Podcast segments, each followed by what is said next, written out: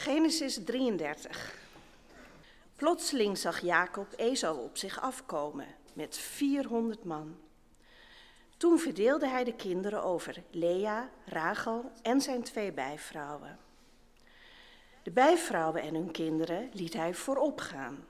Lea en haar kinderen daarachter en Rachel en Jozef helemaal achteraan.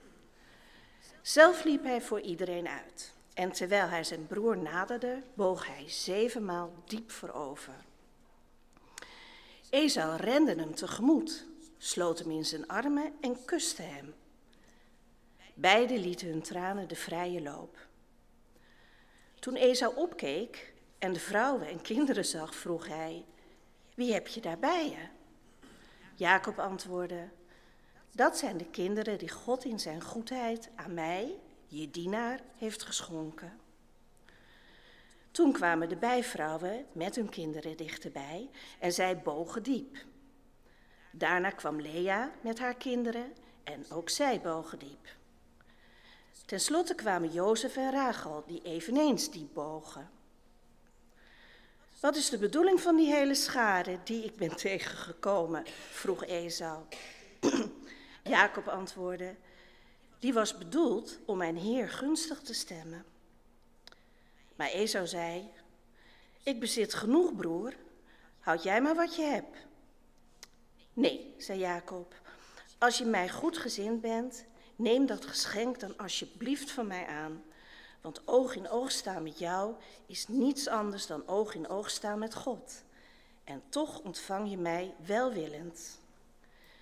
Neem toch aan wat ik je heb laten brengen en waarmee God mij heeft gezegend.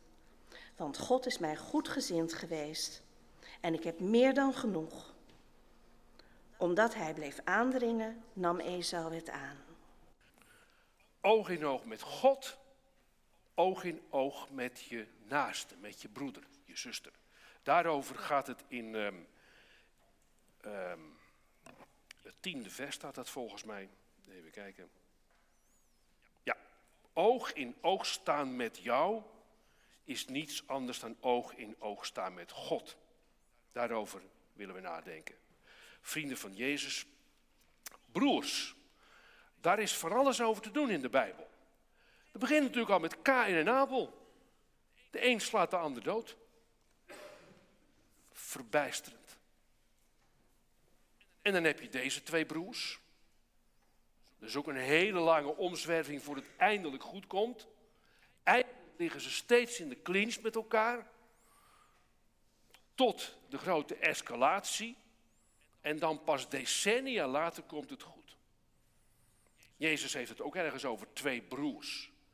Dan hebben wij het meestal over de gelijkenis van de verloren zoon.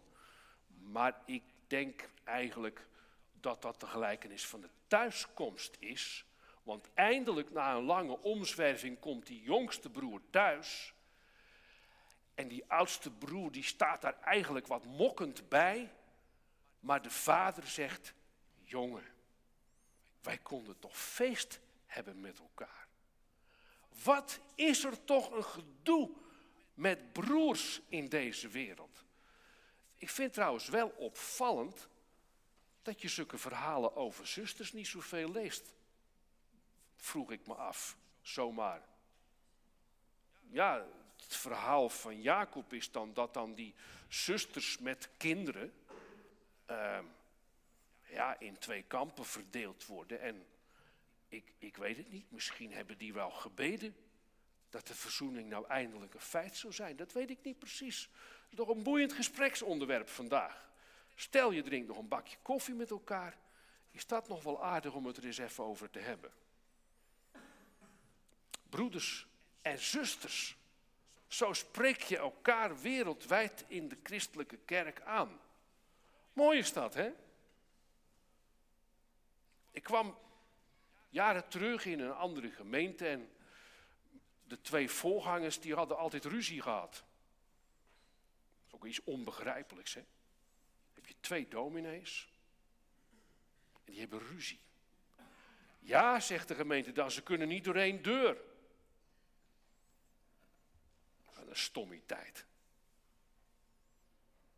Ik kon eigenlijk wel, wel door één deur met die ene, die overgebleven was, zal ik nou maar zeggen. En toen zei iemand vol verbazing tegen mij dat je daarmee samenwerken kunt. En ik keek haar nog eens in de ogen. En ik zei, moet je even goed luisteren.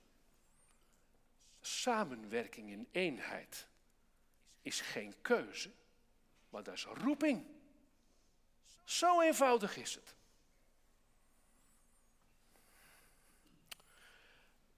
We zeiden toch net dat we elk zijn bevrijd. Wat hebben we dan nog te mauzen onder elkaar? Dan stap je toch altijd met een open hand elkaar tegemoet. Ingewikkelder is het toch niet? Ik weet ondertussen waar die prullenbak voor is. Dat je eerst de rotzooi in je hart daarin gooit. Dat is het. Een, ik zei het al, jullie zijn te feliciteren. Jullie zijn een briljante gemeente. Dat je dat weet. Ik heb echt nog nooit een kerk gehad waar dan zo'n prullenbak staat. Maar jullie snappen het, je moet eerst de rommel uit je hart daarin doen om verzoening bidden en dan overnieuw beginnen. Wat een vondst. Het is genade dat je door Gods geest leven mag. Begon dus anders. We kennen natuurlijk het verhaal van Jacob en Esau. Ja, hun vader en moeder zullen wel vaak verbijsterd geweest zijn. Dat die jongens nou altijd ruzie zoeken. Altijd gedoe. En dat gaat zo ver dat Jacob, die eigenlijk achteraan staat, dat hij voordringt. Bij zijn blinde oude vader steelt hij notenbenen de zegen. Ja, ja, ik ben Esau. Ja hoor, echt waar. Hier, ruik maar. Hij had de kleren van zijn broer aangedaan. Het is toch niet te geloven dat je, dat je zo kunt liegen en bedriegen. De woede van Esau is ijzingwekkend. Ja, Jacob heeft zegen gekregen. Dat is heel bijzonder. Uh, Isaac heeft van Abraham geleerd dat zegen te maken heeft met God. Maar Isaac versmalt die zegen. Uh, ja, veel opbrengst, uh, vet, uh, dat het allemaal goed groeien zal. Dus alleen maar financieel gewin. Daartoe versmalt hij de zegen aan Jacob. Jacob moet vluchten. Ze leven niet langer zeker. En dan op de valreep, dan, is heel onbekend eigenlijk dat verhaal. Ik geloof hoofdstuk 28. Daar staat dan dat uh, Isaac nog een keer Jacob zegent. En dan zegent hij met de naam van God erbij. Dat is zegen. Dat God er zal zijn. Daar gaat het om. En heel bijzonder, God laat zijn zegen regenen over goeden en kwaden.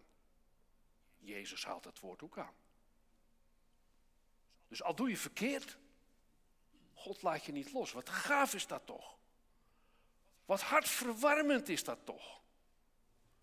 Dus Jacob gaat op de vlucht, loopt een eindeloos eind, valt moe in slaap met zijn hoofd op een steen en ziet de hemel open, engelen van beneden naar boven en van boven naar beneden gaan. Bethel, huis van God. God laat hem niet los. En je, je leest het in hoofdstuk 33. Ja, de MBV vertaalt dan met goed gezind en zulke soort woorden. Maar er staat vijf keer het woord genade. Dus wat ik verkregen heb, het komt allemaal door genade. Stap voor stap, voetje voor voetje, heeft Jacob van zijn dwalingen geleerd, is ervan genezen en ziet dat het God is die in genade nabij is. Zegen. Dat is het vol continu bedrijf van God. hoe zeg je dat ook alweer? 24-7 geloof ik, hè? 24 uur en dan zegen. Dat houdt nooit een keer op. Altijd zegen van God. Goeden en kwaden. Verrassend, hè? Verrassend is God, werkelijk waar. Jacob gaat verder naar Bethel en hij komt bij zijn oom Laban. En wat zegt hij tegen Laban? Ik ben uw knecht, ik ben uw slaaf, staat er letterlijk. Hè? Arbeidsverhouding van toen, ik ben uw slaaf. Hij is geen broer meer, hij is geen zoon. Hij is slaaf geworden. Maar het gaat heel best met zijn bedrijf. Hij mag dan werken voor zijn oom en dan mag hij een klein beetje bijbeunen voor zichzelf. En dat gaat geweldig. Hij bouwt een, hij bouwt een bedrijf met veeteelt op, dus ongekend. Wauw. Maar het zit niet lekker in zijn hart. Hij voelt zich niet thuis. Ruim twee decennia lang. 21 jaar geloof ik. Hij voelt zich niet thuis. En hij mist zijn broer. Ik ben een gewone dorpsdominee. Hè? En weet je wat nou zo bijzonder is, zo nu en dan? Dan zit ik bij iemand en dan komt het verhaal. Dan biechten mensen bij mij. Maar ik heb niet zo'n hokje als, uh, als dat je wel in een Rooms-Katholieke kerk ziet. Maar mensen biechten dan bij mij. Soms is het na een lange tijd. Soms denk ik, is nu het einde nabij van deze persoon. En dan komt daar met horten en stoten de pijn, zelf gedaan of overkomen, de onmin, de ruzie, het verdriet, het altijd knagende. En natuurlijk gaan we dan bidden en zoeken naar een weg om te gaan om eruit te komen. Een weg van verzoening. Maar ik denk wel eens, ach, waarom is dat nou zo lang blijven liggen? Want het is niet verstoft, hè? Er is nooit stof opgekomen. Het heeft altijd gebroed en gejutterd in het hart. Denk je, waarom hebben we dat nou zo lang laten liggen? Dat had toch ook wel eerder gekund. Ja, bij Jacob duurde het dus, als gezegd, een slordige 21 jaar. En dan gaat hij met heel zijn handel en wandel. En hij is bang. Er komt een indrukwekkende handel en wandel. Hij is bang. Hij zet alles, vee en uh, bezittingen en al die lieve mensen bij hem, die zet hij over de Jabok heen. Dat is een, een beekje. En hij gaat zelf terug. Het wordt nacht. En dan worstelt hij. Dat is het verhaal van Genesis 32. Een van de bekendste verhalen van Jacob eigenlijk. De worsteling. Ja, zeggen we dan, met wie worstelt hij nou eigenlijk? Worstelt hij nou met God? Nou, dat zal. God spreekt hem wel aan. Worstelt hij met zichzelf? Uh, Israëlische, de Joodse rabbies die zeggen, nou, hij worstelt met de beschermengel van Esau. Dat is een bijzondere invalshoek. Hij worstelt met de beschermengel van Esau. Nou, ik weet dat niet precies. Ik denk dat in alle drie iets zit. Maar er is ook weer iets om het nog met elkaar eens over te hebben vandaag, wellicht. Misschien heb je woensdagavond wel vrij. Kan je ook doen natuurlijk.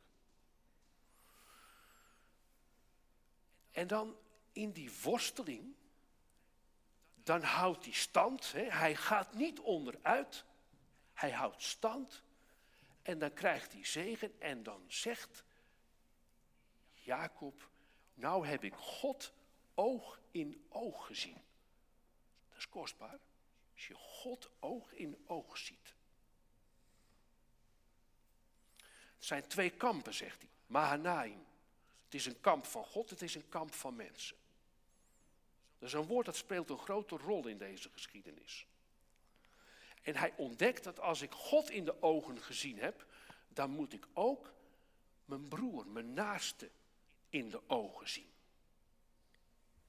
Dat kan niet zonder elkaar. Als je God in de ogen ziet, dan kan je niet langs elkaar heen leven.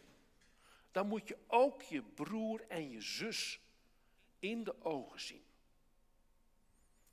En zo gaat hij daar. Zo, er komt daar dan toch een stofwolk aan. Esau met 400 man.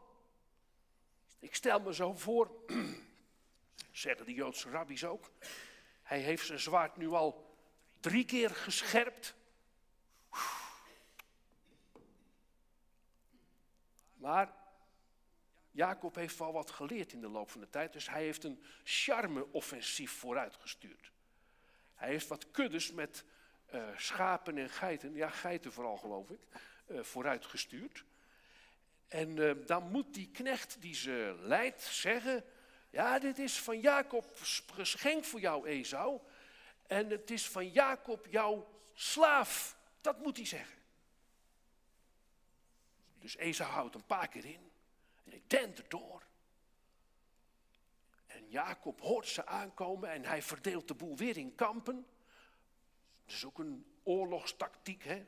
Als dan het ene kamp verslagen wordt, dan is er nog eentje hopelijk over om te vluchten en te overleven. En dan, vlak voordat hij bij hem is, dan gooit uh, de handrem erop en hij stopt. En er vindt, er vindt helemaal geen gevecht plaats. Er is verzoening. Jacob buigt zeven keer. Wat heeft Jacob veel geleerd in die tientallen jaren? Hij is niet meer het gewiekste ventje. Hij is niet meer degene die eigenwijs eens eventjes zal vertellen hoe het erop staat. Hij buigt zeven keer en hij zegt, ik ben jouw slaaf.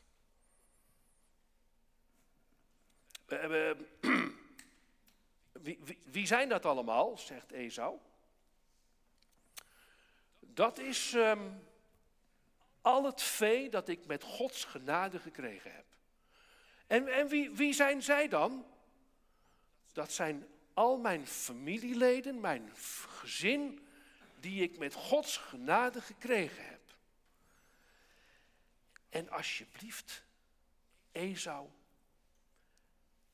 neem mijn zegen alsjeblieft. Er staat letterlijk, dat, dat lees je niet in de MBV-vertaling, eigenlijk in geen één.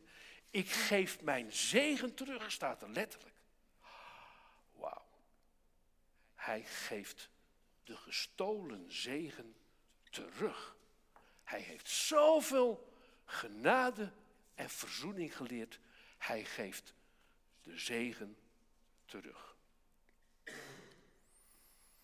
Ook weer niet te lezen in enige vertaling. Letterlijk staat er Esau die zegt, ik heb veel. Moet ik er nou nog mee bij hebben? Jacob zegt, ik heb alles. Want ik heb God in de ogen gekeken. En nou kijk ik jou in de ogen. En nou pas is het goed. Als ik God en jou in de ogen kan zien.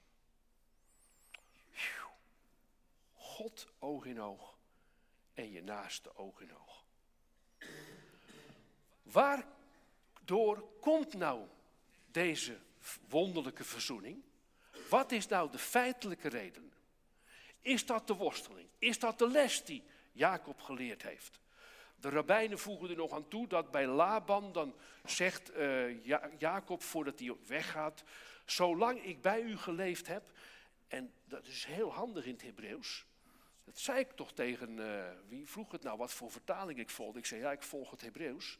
Maar um, in het Hebreeuws heeft elke letter een getalswaarde. Hoe heet jij? Ik kijk je in de ogen. Uh, um, bril, hoe heet je? Charlotte. Oké. Dus de A is 1, De B is 2, de C is 3. Nou, aan de hand daarvan kunnen we de getalswaarde van Charlotte uitrekenen. De getalswaarde van zolang ik bij u geleefd heb, is 613. U zult denken, zo wat. Maar elke, elke Jood springt nu omhoog. En die zegt, God heeft ons 613 ge- en verboden gegeven. Dus eigenlijk, zegt Jacob, zolang ik bij u was, heb ik geleefd zoals God het mij geleerd heeft. Was dat de reden? Nee. De werkelijke reden, zegt elke rabbi. Vers 5. Ehm 4, sorry. Esau rende hem tegemoet, sloot hem in zijn armen, dat is die huk waar we het over hadden, kuste hem en beiden lieten hun tranen de vrije loop. De reden is dat ze samen huilden. Dat moet je tot je door laten dringen. De reden is dat ze samen huilden.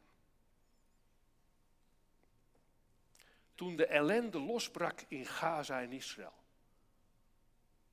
appte iemand mij, heeft er nou een bazuin geklonken?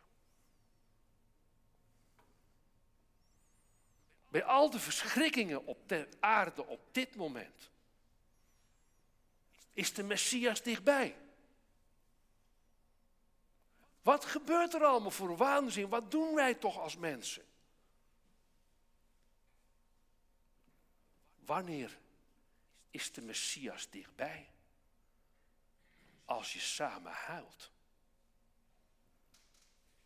In plaats van dat je knokt en het weet en doorbuldert in je onbenul en je stupiditeit, dat je samen huilt om wat wij ervan gemaakt hebben. En als je zo samen huilt, oog in oog met God en oog in oog met elkaar, dan zou het zelfs kunnen wezen dat Netanyahu en de big boss van Hamas een kop thee drinken en zeggen, wat hebben we toch gedaan? En dat Poetin en Zelensky een wodka drinken en zeggen, en nou gaan we het anders doen. Oog in oog met God houdt in dat je oog in oog met je broer en je zus leeft. Ik heb veel. Ik heb alles. Dat is geen clash meer, maar dat wordt dan een zegen. Want kijk, als je nou door wat je gewerkt hebt en verworven hebt, kunt zeggen wat een zegen, dan kun je dat zeggen omdat je het op ethische wijze verkregen hebt. En dan kun je aan de hand daarvan het uitdelen. Dus wat zegt Zacchaeus die hoog in de boom, wat zegt Jezus tegen Zacchaeus die hoog in de boom zit en die denkt Jezus is voor mij niet weggelegd? Dan zegt Jezus, ik kom vandaag bij jou trouwens eten. En ze eten samen. En Zacchaeus begint, nu die Jezus in de ogen gezien heeft, ruimhartig uit te delen van zijn financiële welvaart aan al zijn broeders en zusters. Oog in oog met God, oog in oog met je naaste. Jezus leert het ons, toch. Onze Vader die in de hemelen zijt, uw koninkrijk komen. Geef ons heden ons dagelijks brood. Jullie hadden kratten staan hè, voor de voedselbank, toch? Geef ons heden ons dagelijks brood. En vergeef ons onze schuldenaren, zoals ook ik mijn schuldenaars vergeven heb. Het zit allemaal aan elkaar vast. En het is de geest die leven geeft en de vrijheid tot realiteit maakt in onze levens. Amen.